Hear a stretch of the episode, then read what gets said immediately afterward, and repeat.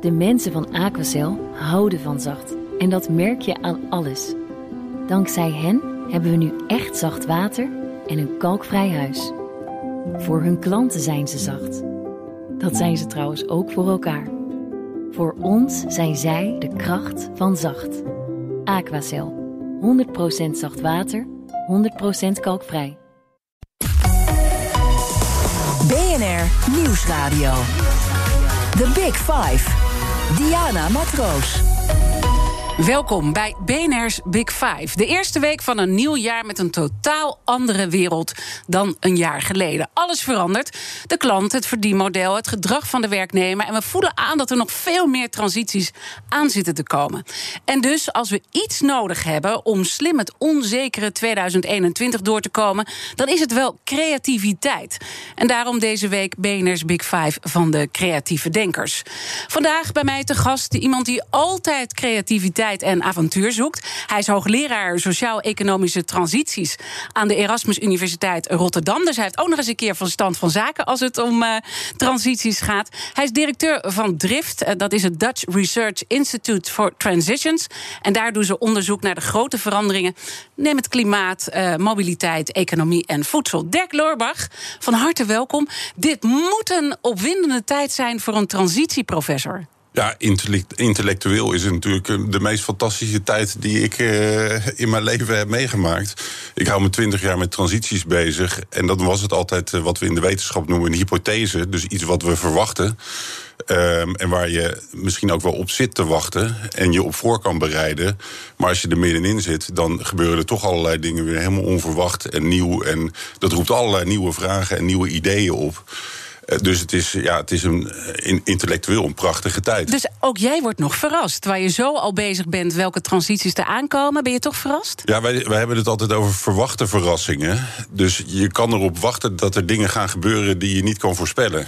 Um, en, en dat is precies ook een beetje het leuke dubbele van dat, dat, de creativiteit in transitie je kan je er deels op voorbereiden, maar je kan je er tegelijkertijd nooit op voorbereiden. En je moet dus altijd ja, meebewegen met wat er gebeurt. Wij noemen dat dan vooruitstruikelen. Mm Dus je weet dat er schokken en, en bewegingen en, en verrassingen je overkomen. En um, door daarvoor open te staan en, en ja, klaar voor te zijn, kan je dat momentum gebruiken om dingen in, in ja. richting te veranderen. En ben jij zelf iemand die het fijn vindt om af en toe te struikelen? Want de meeste mensen van ons denken: nee, nee, nee, ik wil dit niet. Ja, in, in mijn eigen leven hou ik enorm van routine. Dus ik ben eigenlijk uh, in mijn persoonlijk leven hou ik heel erg van routine. En ik uh, denk, de meeste mensen werken zo. Het zou ook echt onleefbaar worden als je de hele tijd op alle terreinen van je leven continu in verandering moet zijn. En de hele tijd moet bedenken, wat moeten we nu weer doen? Want wat vind jij dan zelf moeilijk aan deze tijd? Nou ja, kijk, ik zei al, intellectueel is het enorm uitdagend. Maar ik, ik eh, mis ook in mijn persoonlijk leven natuurlijk heel erg contact en de franje en de dingen die het leven leuk maken. Dus als het dan gisteren ging natuurlijk heel erg over creativiteit en cultuur. Uh, dat, dat mis ik ook heel erg. Uh, ik ben directeur van, van Drift, dat is een BV. Uh, dus we zijn ook gewoon een ondernemer in de wetenschap. Uh, dus financieel was het ook gewoon een uitdagend jaar. Want onze core business is voor een deel mensen bij elkaar brengen. Ja, dat kon dus ook niet ja, meer. vergeet het maar, ja. Dus uh, er zitten natuurlijk ook gewoon allerlei uitdagingen. En dat is, dat is denk ik in elke tijd. Maar dat komt nu wel heel heftig allemaal tegelijk. Ja, we gaan een beetje met jou ook het komende uur duiden waar, waarin we zitten. Hè, welke transitie we inzetten. En wat er nog allemaal gaat aankomen. Bijvoorbeeld de Roaring Twenties. Dat komt uh, straks allemaal, want daar filosofeert iedereen uh, nu over. Nou, ik niet hoor. Dat is nee? een soort hype. Ja, die ga je ja? straks. Uh, die ga je helemaal ontkrachten. Ja, helemaal. Ja, oké. Okay. Nou, ik hoorde al van mij dat Schut dat je houdt van ontregelen. Dus we gaan denk ik een lekker ontregeluurtje in. En daar hou ik ontzettend van. Um, als we even kijken naar um, wat jullie doen ook bij Drift. Hè? Jullie kijken naar de grote transities. En jullie noemen jezelf ook actievoerder in, in, in dat verband. En dan ben je vroeger ook actievoerder geweest. Hè? Je, was, je komt uit de krakersbeweging. Ja, kom uit, kom uit. Maar daar, daar heb ik wel veel in rondgelopen. En in de jaren negentig. Daar kom je uh, ja, ja. ja, precies. Ja. Maar ja, je, hebt, je hebt allerlei uh, ook weer subgroepen daar en subculturen. Je was niet hardcore. Uh, nee, maar wel gecommitteerd, ook principieel. En, en nog steeds eigenlijk vind ik dat kraken een hele belangrijke rol zou moeten spelen. Het is helemaal de nek omgedraaid. Ehm, en je ziet hoe de vastgoedwereld uh, het eigenlijk over heeft kunnen nemen. Met heel veel leegstand tot gevolg, heel veel uh, woningnood. Ja. En daar was Kraak een hele goede correctie op. Oké, gaan we het een was, andere keer af hebben? Ja. ja. het was ook in, in, de jaren negentig, toen ik studeerde in Maastricht, was dat. toen was er ook een hele maatschappelijke beweging die te hoop liep tegen bijvoorbeeld de G8. de, de, ehm, alle macht die zich concentreerde op wereldniveau. Ehm, en uh, dat was het focuspunt. Maar het ging eigenlijk over uh, verzet tegen de negatieve kant van globalisering. Toen ook al milieu, ongelijkheid, discriminatie, allerlei uh, patronen die nu steeds nog veel zichtbaarder zijn geworden, maar die toen eigenlijk al heel duidelijk aanwezig waren. En als je dan naar deze tijd kijkt, hè, um, um, is dan dat actievoeren, zou dat kunnen helpen? Uh, of uh, is het met name creativiteit wat we nodig hebben? Wat heb je nodig in deze tijd? Ja, nou, wij noemen onszelf bij Drift actieonderzoekers. Aha. Dat is omdat we grote ja. veranderingen, en die transities zijn hele grote, complexe veranderingen, spelen op de lange termijn. we hebben het nu over transities, maar het is nog maar de vraag of dat echt transities zijn, want we zitten er middenin Je kan ze historisch terugkijken, maar die duren heel lang en die zijn on.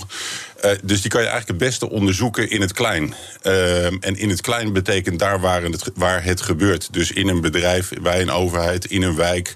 Uh, om te kijken van ja, hoe begrijpen mensen nu de verandering waar ze in zitten? Uh, waar komt die vandaan? Wat zijn alternatieve toekomsten? En hoe kom je ook uit de groef van uh, ja, wat we dan nu tegenwoordig allemaal het oude normaal noemen? Um, ja, en dat, dat doe je altijd in en met de praktijk met mensen. En het actiekarakter, hè, waarom we ook wel so, soms inderdaad zeggen... we zijn activistische onderzoekers, heeft ermee te maken dat het um, transities altijd beginnen bij het bestaande ter discussie te stellen. Ja, en dat zien we nu ook in deze tijd. Hè? We zien natuurlijk de actievoerders, we zien de complotdenkers. Ja. Het wordt ter discussie gesteld. Nou ja, dat is dus op, op, op een maatschappelijk niveau is dat wat een transitie is. Dat iets wat, wat we eigenlijk heel lang vanzelfsprekend vonden. De manier waarop de economie zich ontwikkelt. Waarop uh, overheid en, en markt samenwerken. Waarin we uh, uh, kennis ontwikkelen. We betekenis geven aan het leven. Dat staat op allerlei manieren nu ter discussie. En dat is een soort tegendenken, dat is een soort alternatief denken. En dat gaat aan de ene kant naar complotten, maar aan de andere kant zitten natuurlijk ook gewoon allerlei creatieve mensen die. Uh, misschien zijn de complotdenkers ook wel heel creatief trouwens. Maar die op zoek zijn naar een ander verhaal en een ander perspectief om betekenis te geven aan hun leven. En als we dan even kijken waar we uh, nu in zitten, of laten we eerst even de aanloop. Hè. We zijn ergens ingekomen. Uh, een pandemie, een lockdown, een crisis. Ja. Had jij dat überhaupt zien aankomen? Want jij verdiept je al in veranderingen die eraan zitten te komen. Ja, ik zei eerder al verwachte verrassingen. Ik, ik uh, had echt geen pandemie aanzien uh, komen, maar de, de epidemiologen en de, uh, degenen die er verstand van hadden wel. dus het, het, het, zat er al aan te komen. Sterker nog, we hebben al pandemieën en, en dit soort ziektes uitbraken gehad. Onder dieren, maar ook onder mensen. Uh, net als 9-11, dat was een hele grote aanslag. Als je terug ging kijken, dan zag je dat er eigenlijk een hele aanloop was van steeds grotere aanslagen. Uh, dus het is eigenlijk wachten op de volgende. En uh, wat, wat ik wel aan zag komen, en, en waarom we ook twintig jaar geleden met het transitieonderzoek zijn begonnen, is dat de manier waarop we onze economie mondiaal hebben ingericht met uh, fossiele brandstoffen, uh, heel erg op basis van uh, nou ja, heel veel natuur omzetten in geld eigenlijk. En dat ten koste van mensen en plekken elders wat we dan he, hebben het over duurzaamheid. We hebben het bij transities vaak over onduurzaamheid. Dus dat moet een keer fout gaan. Ja. Um, dus dan is het wachten dus je zag op de het aankomen. In die zin, je zag iets aankomen dat, dat het niet meer houdbaar was zoals we het met z'n allen deden. Ja, maar dat, dat, is, eigenlijk... dat is natuurlijk eigenlijk al 50 jaar uh, bekend. Maar dat betekent dat je uh, steeds meer te maken gaat krijgen met dit soort grote disrupties. En dat kan een uh, ontploffende kerncentrale zijn, of een natuurramp, of een politieke crisis, of een financiële crisis, of een ecologische crisis, zoals deze pandemie. Je weet eigenlijk dat er een, een, een soort, volgens mij noemen jullie de transitie ook een soort komeet die tot uitbarsten komt. Ja, het is, het is inderdaad een soort ja, uh, opbouw van druk. En die komt tot ontlading. En, en dat zijn de korte termijn crises die we dan zien. Dus voor een deel gaat het nu ook over ja, hoe, hoe managen we deze crisis. En hoe komen we hier doorheen door het acute korte termijn gevaar. Tegelijkertijd roept het natuurlijk enorm de vraag op. Hoe gaan we nou de grotere verschuiving, die ook nodig is om te voorkomen dat we dit binnen, nou ja, binnen een aantal jaren nog een keer krijgen. dat we die kans veel kleiner gaan maken. Ja, want als je even kijkt hoe we ermee omgaan, hè, waar we dus nu zitten, is eigenlijk, je zegt er komen dingen naar boven die al langer speelden. Hè? Ja ons gedrag en hoe we alles met elkaar hebben georganiseerd. En hoe gaan we dan nu met dit moment om? Ja, ik weet niet wie je bedoelt met we. De samenleving. ja, nou ja, dat is, is, een heel gemengd beeld. Kijk, uh, het, het, klinkt misschien abstract hè, dat, dat die coronacrisis hangt samen met heel veel dingen die we al zien. Maar het, daaronder ligt, om het concreet te maken, de manier waarop we ons voedsel uh, uh, produceren en consumeren. Ja. Dat wereldwijd. We kappen allerlei oerwouden en dan moeten we daar soja voor, voor vee produceren. En je ziet dat, hè, dat in Nederland leidt dat ook tot heel veel stikstofuitstoot, heel veel dierhouderij, uh, slechte luchtkwaliteit. Dat beïnvloedt weer de gezondheid. Al die dingen hangen samen. En dat moeten we eigenlijk gaan ontvlechten. En je ziet twee bewegingen grofweg. Aan de ene kant en dat zit vooral bij de overheid, het managen van de crisis. Dus gezondheid nu eerst en uh, de economie overeind houden. Maar dat is dus ook heel veel economie. Die, waarvan we eigenlijk al jaren zeiden: ja, die moet misschien wel echt anders. Dus daar zat de transitie aan te komen. Maar de dus eigenlijk doen ze de verkeerde dingen dan? Ja, eigenlijk is het het remmen van transitie. Ja. Dus we proberen eigenlijk de oude fossiele uh, lineaire economie in de lucht te houden.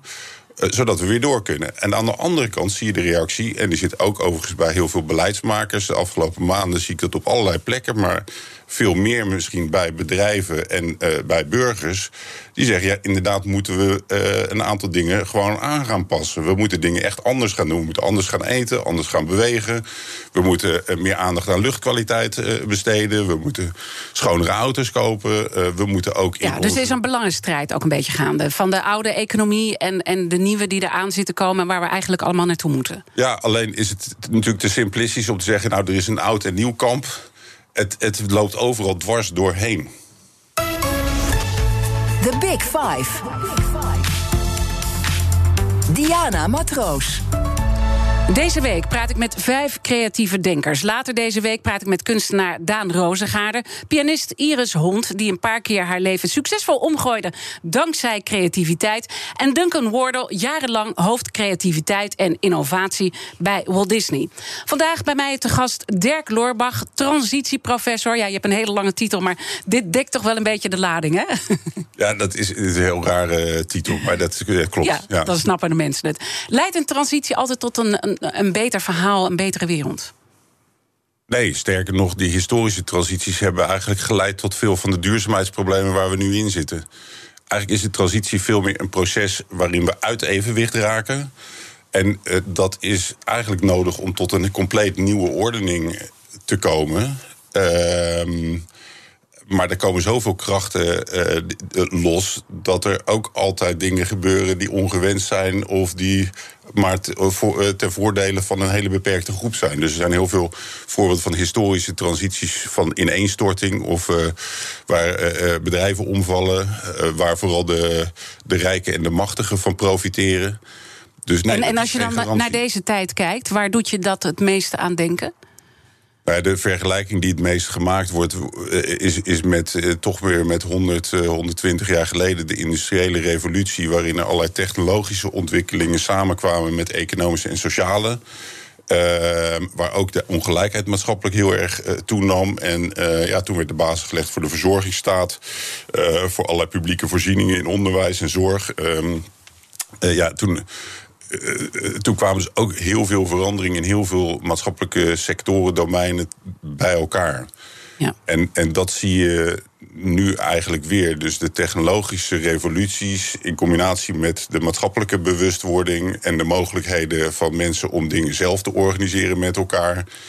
Uh, ja, en die grote problemen van onze tijd, als het toch gaat over. En stemt dat je dan hoopvol als je ziet hoe, we dat, hoe, hoe, hoe deze dingen dan bij elkaar komen? Ja, ik ben een enorme optimist. Dus ik, Fijn. Ja, dat hebben we nodig in deze nou ja, tijd. maar ben je ook een realist? ik, ik, denk het wel. Uh, je, moet, je moet inderdaad ook niet naïef zijn. Maar als we alleen maar vanuit het polderen en vanuit het verbeteren van het bestaande blijven redeneren, dan dan komen we nooit waar we uit moeten komen. Eh, dus je hebt transitie en verstoring en chaos nodig om uh, tot snellere, grotere uh, systeemsprongen te maar, komen. Maar dat mag dus wel wat uh, beter um, nou ja, managen is dan misschien juist niet goed. we horen ook wel eens dat het perspectief mist vanuit de politiek. Ja, het stomme is, wij, wij, noemen het zelf transitiemanagement, wat een hele foute term ja, is. Want we moeten stoppen met managen. Ja, precies, dat zeggen we ook. Maar ik heb jarenlang, ik ben ooit op gepromoveerd, ik heb jarenlang gezocht naar een andere term. Maar ja, dan ga je met governance of Kijk, uiteindelijk is het slim omgaan met transities een soort collectief, vraagt een soort collectieve strategie. En, en de belangrijkste elementen daarin zijn dus heel kritisch naar het bestaande uh, zijn. Dus je afvragen in welke groef, wij noemen dat regime, zitten we nou? Ja. En, en hoe onvolhoudbaar is dat? Het tweede element is dat je echt uh, uh, alternatieve radicale richting op de lange termijn hebt. En het derde element is dat je uh, die lange termijn richting gaat uitproberen in het klein. Ja. Want die transities zijn er, uh, die overkomen ons. Het betekent ook dat er overal al mensen bezig zijn met alternatieven bedenken. Want als we dan eventjes inzoomen op het bedrijfsleven. Hè, want je, je, hoort economen nu ook zeggen van we krijgen een soort K-vormig herstel. Dat betekent dat sommigen worden de winnaar uh, uh, als het gaat om deze crisis. En anderen die gaan gewoon onderuit. Ja. Waar zit hem dat dan in? Ja, ja uh, Hans Stegeman van de Triodosbank die uh, heeft op basis van onze figuren... die, die zei we moeten een X-vormig herstel hebben. Mhm. Mm -hmm. In transitiedenken gaat het dus ook over verschuiving van oud naar nieuw... zou je kunnen zeggen. En, en dat is altijd een, een soort nieuwe combinatie die ontstaat. Maar het gaat altijd over de opbouw van nieuwe praktijken... nieuwe businessmodellen, nieuwe producten, nieuwe markten en het verdwijnen van uh, uh, zaken. En dat kan ook binnen een bedrijf zo zijn, maar dat is ook binnen markten. En wat we nu krijgen is dus door hoe de overheid het uh, organiseert, is dat vanuit het bestaande uh, die uh, K-vorm gaat ontstaan. Dus sommigen overleven het en anderen vallen eruit. En dat is dus niet vanuit een gewenst lange termijn toekomstperspectief. Nee, dus daar begint het mee. Maar wat, wat kan de, de individuele ondernemer? Hè? Ik bedoel, we hebben een ondernemend publiek die nu zit te luisteren. Ze hebben een bedrijf wat ze, wat ze moeten runnen, misschien in een moeilijke uh, tijd. Wat is nu handig om wel of niet te doen? Hoe ben je nu de winnaar in deze tijd? Ja, wij zeggen, wij hebben het dan vaak over bedrijfstransities. Eigenlijk is het het, het organiseren van experimenteerruimte of scharrelruimte. Kijk, uh, uh, bedrijven en de bedrijfskunde, ook aan mijn universiteit in, Rotterdam, zijn we natuurlijk goed in het onderwijzen en het opleiden van managers. die heel erg goed zijn in het optimaliseren van het bedrijfsproces en het optimaliseren van de winst. Dingen beter maken. Uh, die hele mindset die werkt eigenlijk niet voor transities. Dus je moet veel meer uh, op zoek gaan naar het ongerijmde. Dus je moet beginnen met uh, eigenlijk kijken van waar zit mijn hele bedrijf en, mijn en de omgeving, mijn stakeholders, mijn ketenpartners, de manier waarop we inkopen, de energie die we gebruiken, hoe we het intern geregeld hebben. Hoe zitten we nou vast in die oude, dan toch maar even economie? Dus dat moet je duiden eigenlijk. Dit is de oude wereld en hoeveel zit ik in die ja, oude je, wereld? Je moet eigenlijk de vraag gaan stellen: uh, kan je uh, over tien jaar nog op deze manier uh, zo doorgaan? Ja, nou, neem, neem Schiphol. ja, nee, dus. Nee. nee dus, maar wat, en, wat, wat, moet je dan? Nou ja, dan moet je dus uh, anders gaan denken. Dus dan moet je gaan denken, nou, in de toekomst... want de luchtvaart is wel echt een hele lastige sector... maar we willen natuurlijk allemaal in de toekomst ook nog gewoon vliegen. De technologische alternatieven zijn er uh, nu nog niet direct voorhanden. Die komen wel, alternatieve brandstoffen, korte termijn elektrisch... maar je kan ook je anders gaan verplaatsen. Dus je moet dan, wij zeggen dan leidende principes formuleren, een soort purpose, zouden bedrijfskundigen zeggen, van waaruit je gaat terugredeneren. Want dan ga je ook ontdekken, als je dat soort duurzaamheidsprincipes uh, formuleert, oké, we vliegen nog wel, maar het is low impact, het is een eerlijke prijs, het is op, niet meer op korte routes, et cetera. -hmm. Uh, dan ga je terugkijken en dan kan je dus ook heel goed zien waar uh, je mee moet gaan stoppen. He, dus met, uh, ja, dus ik hoor nu uh, stoppen. Ik heb ergens ook gelezen dat je eigenlijk bent voor... want er wordt ook gefilosofeerd... moeten we een soort ministerie van de toekomst hebben... en dat jij eigenlijk bent voor een ministerie van afbraak. Ja, ja daar had ik het met collega Mijn de Schut over in de Stop ja, de precies. podcast. Ja. Uh, ja, dat was het, een, een, een soort serieus grapje van mijn oratie 2014. Want de hele tijd wordt in beleid... en mensen in, bij de ministeries kijken ze heel erg naar innovatie... Maar dat is een soort van je doet het erbij. En dan... Nou, niet alleen het ministerie hoor. Innovatie nee, is overal. Hè? Ja, maar het is uh... vaak een excuus om niet te veranderen. Ehm, dus wat, ik, wat wij veel met organisaties doen, is als je zo'n transitie uh, serieus neemt, ook als bedrijfsrisico overigens. Hè, dat de markt waarin je zit, en kijk naar de energiebedrijven, die hebben dat al meegemaakt. Maar het gaat ook in andere sectoren gebeuren. Dan overkomt die klap uh, uh, je. En dan heb je geen plan B. En transitie, bedrijfstransities gaan eigenlijk over het ontwikkelen van plan B. Mm En dat kan je doen uh, met medewerkers uit je organisatie die vaak al uh, ideeën daarover hebben. Maar daar moet je ook frisse perspectieven bij hebben. Want als je dat dan weer over creativiteit hebt, ja, dan moet je ook van buiten naar binnen kunnen denken. En dat moet je actief organiseren en opzoeken. Maar je moet dus eigenlijk zorgen dat uh, iedereen, als ik je goed begrijp, creatief wordt. En dat je niet ja, een aparte afdeling gaat laten innoveren. Nee. Want dat hoor je ook vaak. Hè, van ja, we kunnen dat oude businessmodel niet zomaar naar een nieuw businessmodel. Dus gaan we er iets anders naast zetten. Ja, en dat... Die gaat dan het oude overnemen. Nou ja, en dat is, het wordt heel erg georganiseerd. En ja. de paradox is natuurlijk dat je zonder actieve impulsen geen zelforganisatie krijgt. Dus je moet wel iets doen, maar je moet veel meer zoeken naar mensen op verschillende plekken in je bedrijf en uit de omgeving bij elkaar brengen. Nieuwe inspiratie, nieuwe verhalen, nieuw perspectief ontwikkelen en dat vervolgens laten indalen en doorcijpelen binnen je organisatie. En dan gaat dat de cultuur veranderen. En dan beïnvloedt dat uiteindelijk ook wel hoe organisaties ingericht worden, dus hoe je verandert investeert. de cultuur, uh, maar uiteindelijk moet je dus komen tot uh, stoppen met dingen. Stoppen is ja, dus een heel belangrijk woord. Maar, maar stoppen, uh, precies. Maar als je, daar kan je rationeel actief over nadenken. Uh, maar vervolgens creëert dat allerlei creatieve ruimte om een nieuw perspectief uh, te vinden. Waar mensen blij van worden. En het bijproduct uiteindelijk van het handelen wat dan ontstaat, is dat je dingen niet okay. meer gaat doen. Laten we even een concreet voorbeeld erbij pakken. We hebben Schiphol al eventjes gehad, maar we hebben ook onze gasten die stellen kettingvragen. En gisteren had ik hier Marjan Spier, sociaal ondernemer, en ze had deze vraag voor jou. Hoe zorg je ervoor dat uh, met name tijdens deze ja, lockdownperiode, maar ook daarna, hoe zorg je ervoor dat uh, scholen kunnen veranderen, zodat ze hun studenten beter kunnen faciliteren? Ja, dat, dat, ik heb het geluisterd, het was een heel ja. leuk gesprek. Um, dat, dat is een hele goede vraag. Er zitten eigenlijk twee kanten aan. Aan de ene kant is natuurlijk, en dat zien we ook op de Erasmus Universiteit de afgelopen maanden, een enorme inhaalslag gemaakt met het online gaan aanbieden van lessen.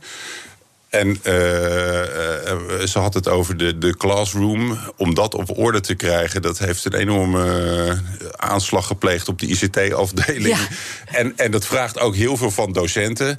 Uh, en je ziet ook dat er heel veel nog eigenlijk in ontwikkeling zijn van hoe Ja, doe je dat nou goed. Dus het, is nog niet, het loopt nog niet echt lekker. Ik bedoel, ik heb een kind die eindexamen doet en een ander kind studeert in eh, Delft. ja, Ja, het is gewoon.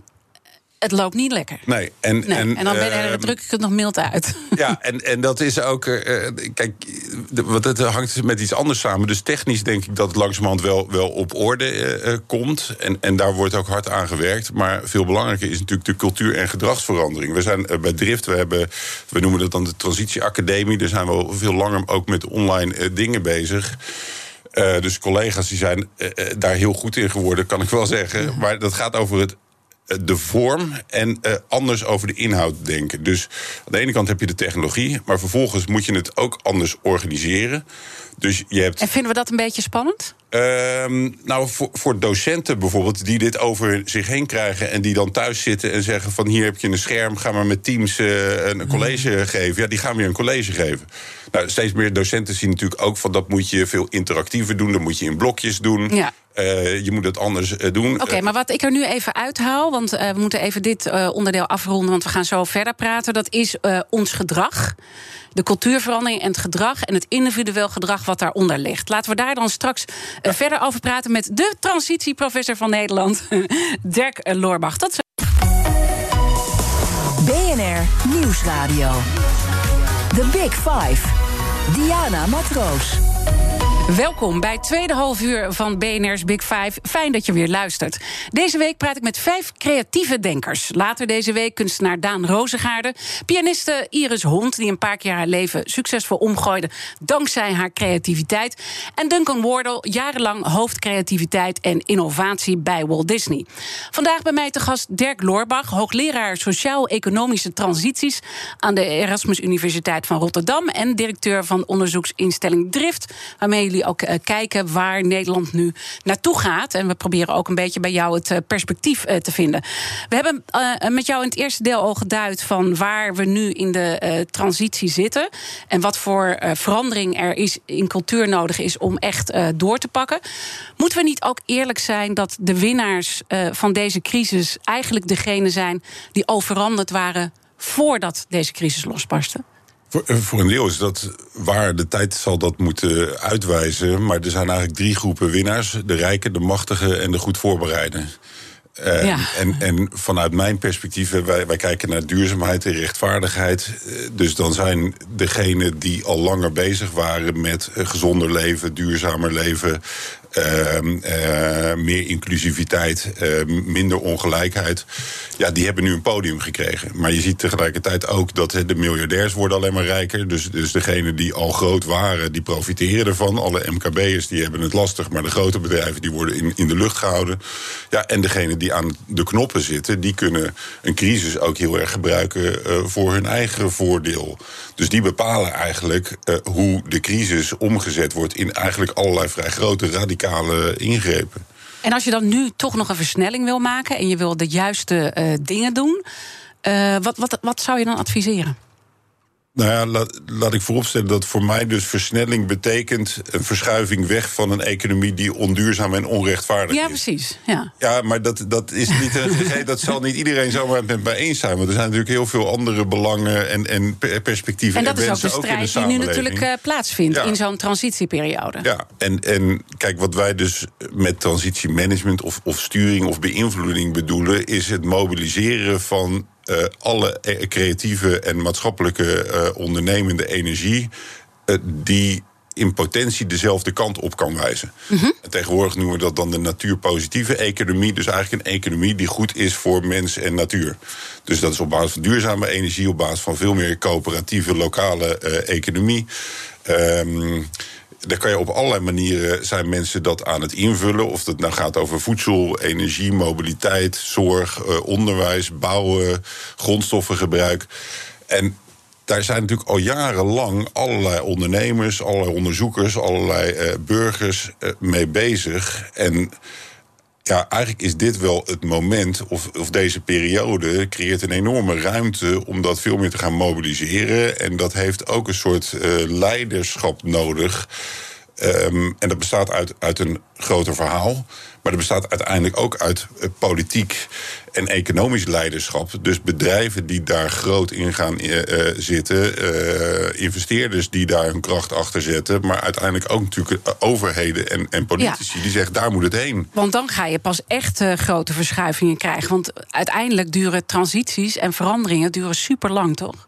Ja, wij, wij kijken historisch altijd naar transities op een termijn van decennia. Maar die kenmerken zich eigenlijk altijd door een periode van, laten we zeggen, 10, 15 jaar van hele roerige structuurverandering. Dus we zitten eigenlijk al in. Uh, we komen nu uit, uit 40 jaar aanloop naar transities. En sommige sectoren waren al in transitie gegaan.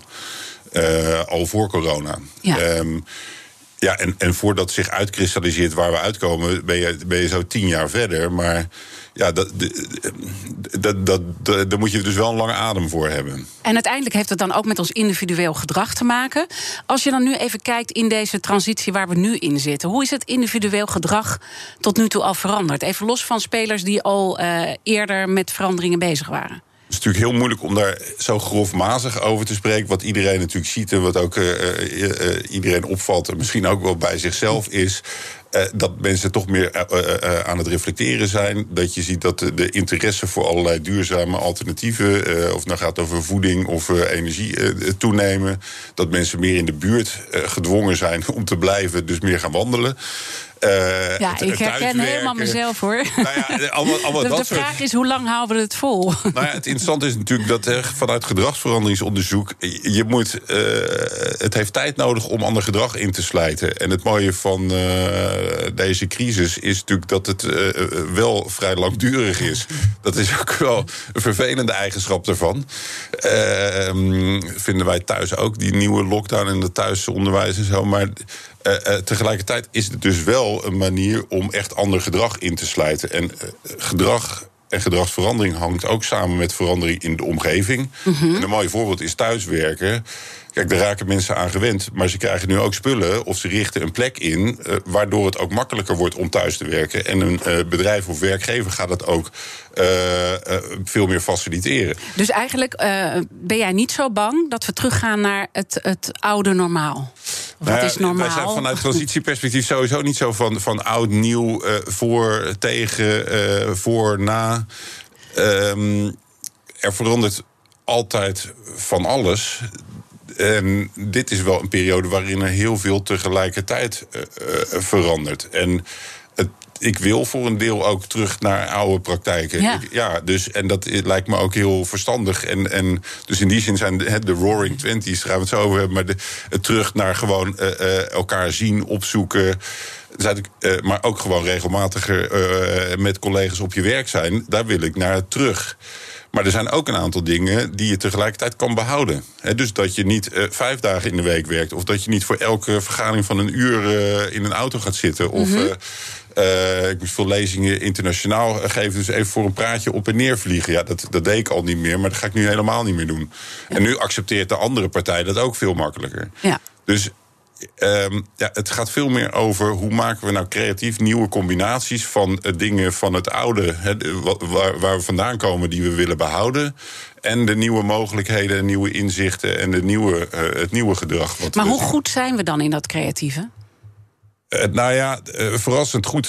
Dus ja? onder druk ja. gebeurt er een hele hoop. En dan ontdekken mensen dat er heel veel mogelijk is in hun privéleven. Maar ook beleidsmakers die merken, of ondernemers, van ja, je, je moet wel.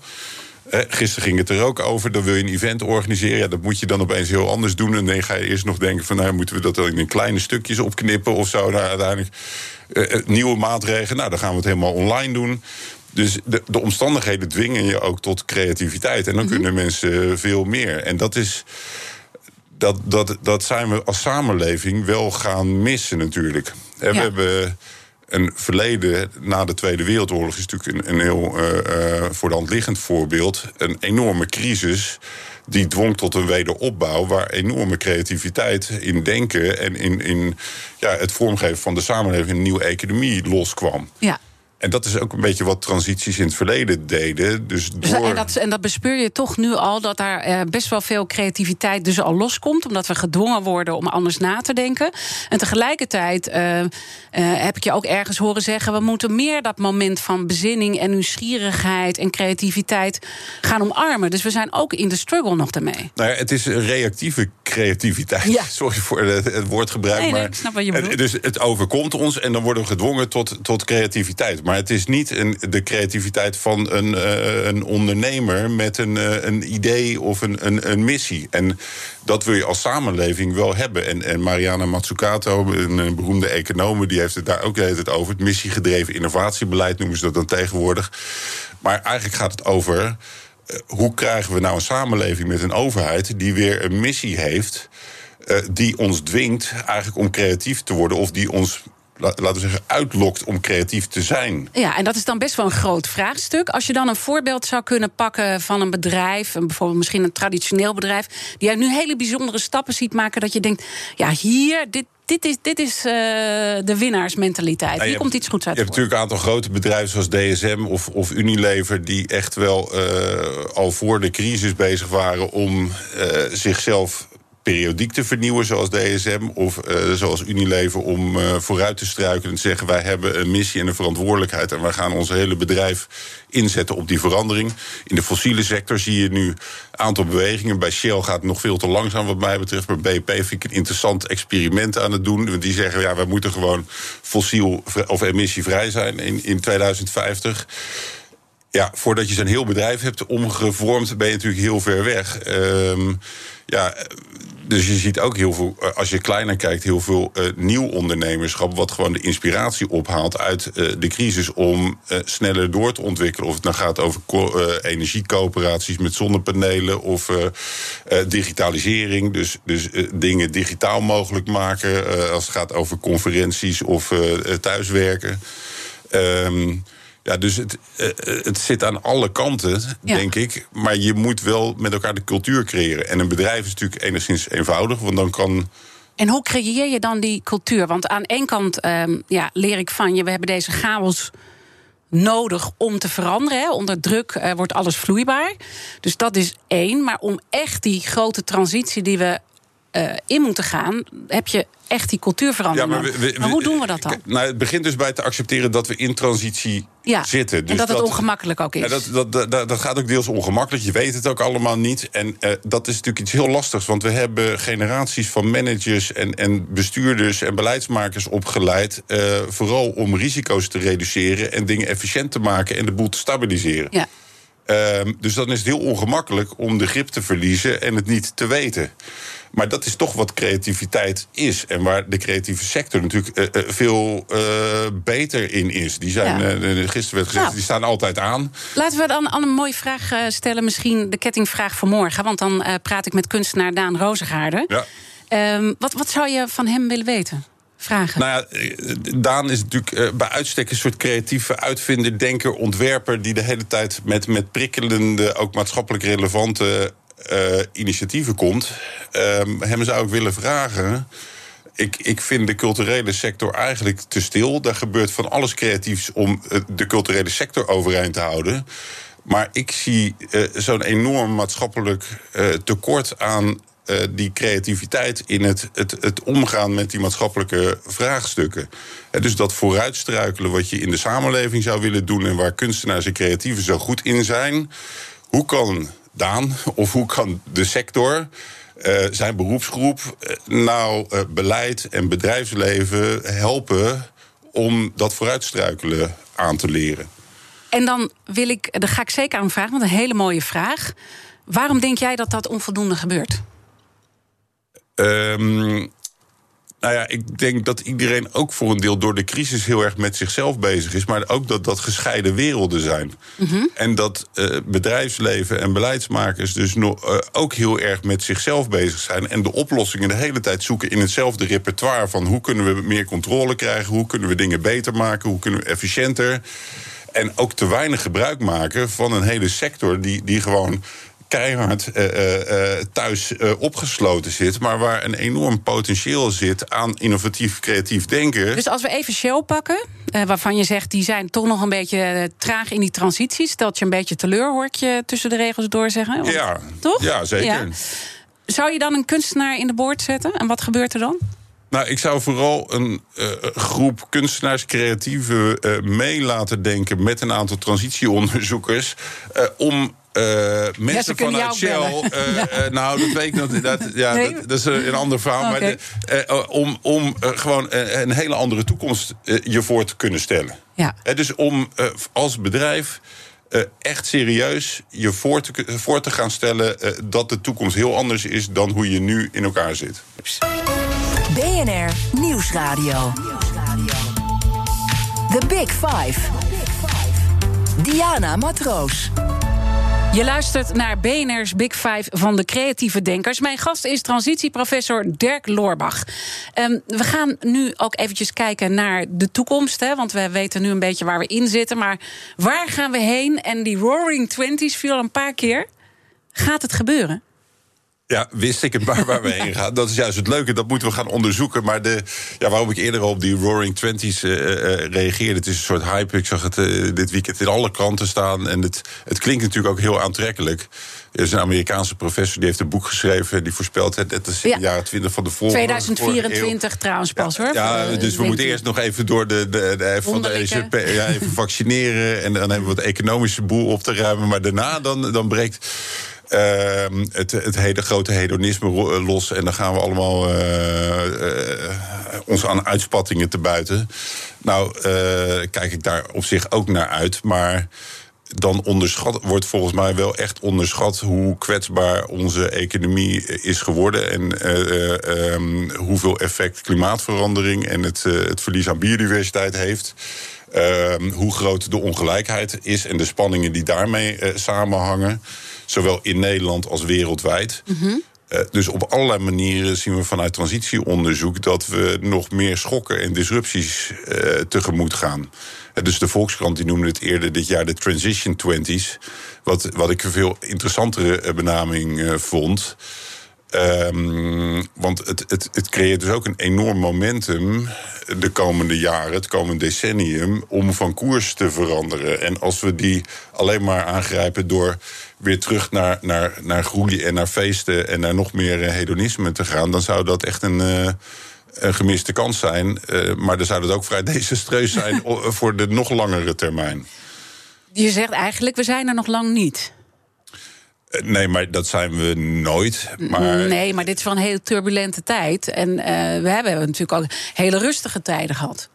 Ja, ja en, en in, in die zin zijn we er inderdaad nog niet bij een nieuwe stabiliteit. Dus ook over een paar jaar, als, als de economische gevolgen misschien iets gedempt raken. Of, of, uh, uh, en, en de, de pandemie onder controle is, ja, dan is het niet stabiel. Dat, die instabiliteit, die, uh, daar, daar, ja, daar verwachten we wel van dat gaat nog wat langer. Oké, okay, maar ik neem nu even het voorbeeld. Hè, want toch, je zei het zelf ook, je verlangt weer naar dat sociale leven ook. En dat, dat heeft iedereen. Ja. Ik denk dat we dat met Hè? Dat hebben we enorm uh, gemist.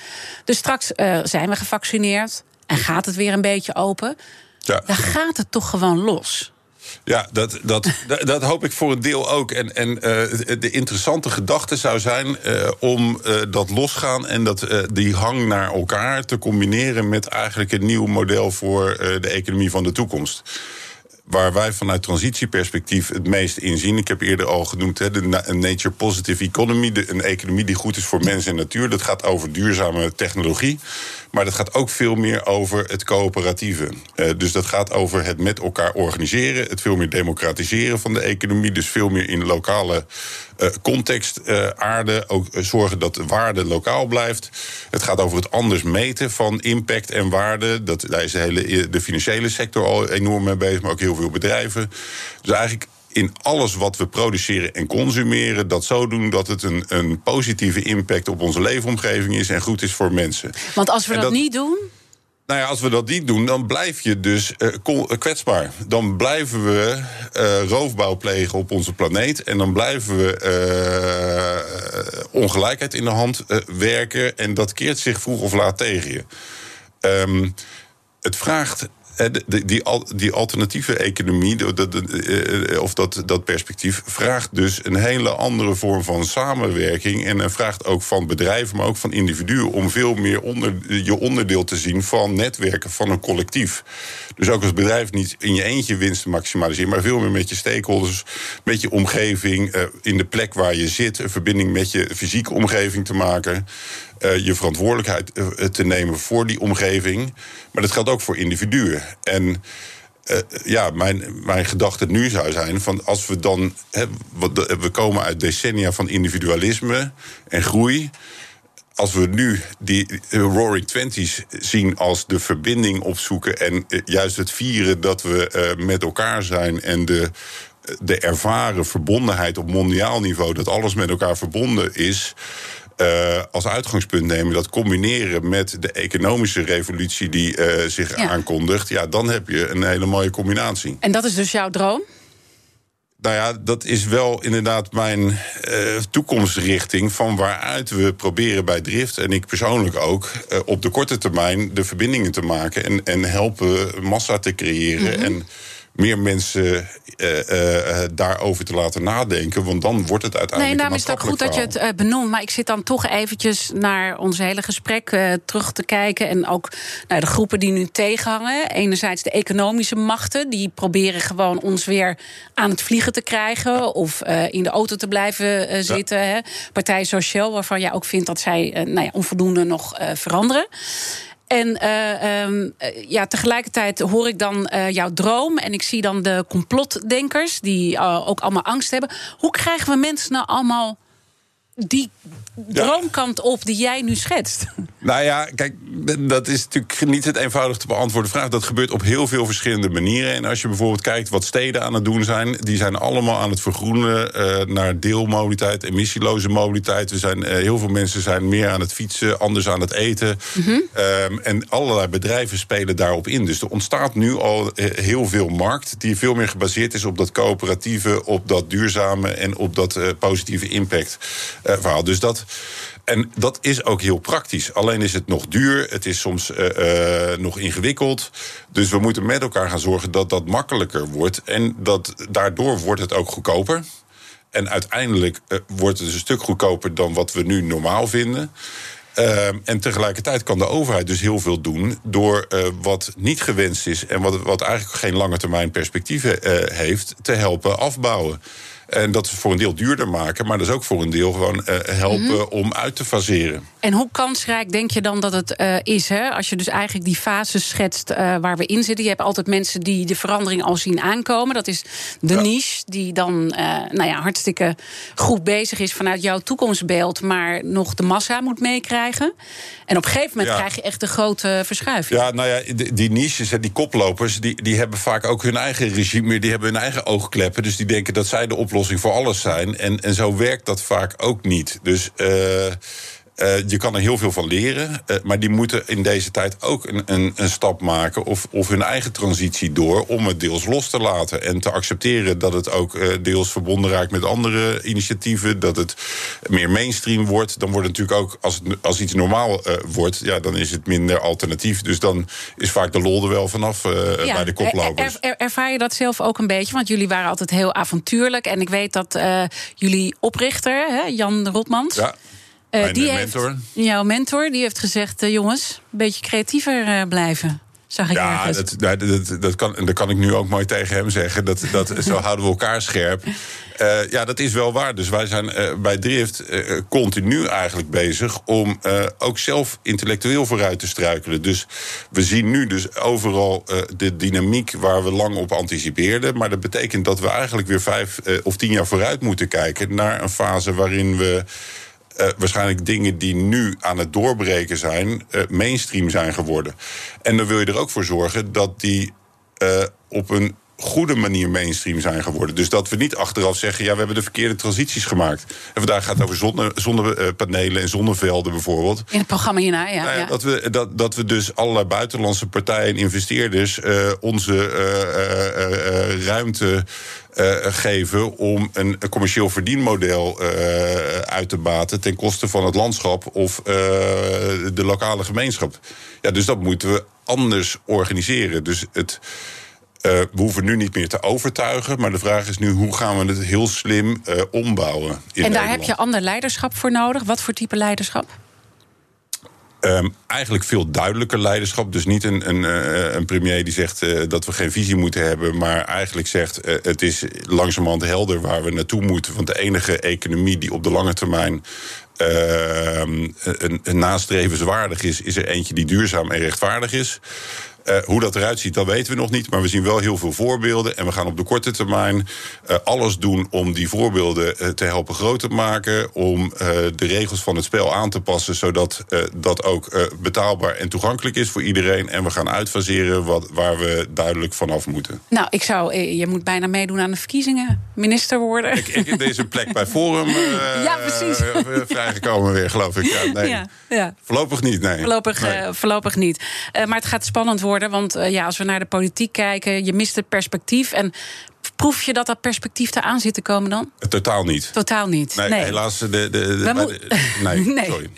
Ja, we moeten het hierbij laten. Het is niet echt een vrolijke eind. Maar uh, je dromen zijn uh, duidelijk. En ik hoop dat we allemaal, dat ondernemers hun voordeel kunnen doen om toch in die transitie mee te gaan en het goede te omarmen. Ja, het moet vooral van de ondernemers en van de ondernemende burgers en beleidsmakers komen. Dus aan de slag. Mooi.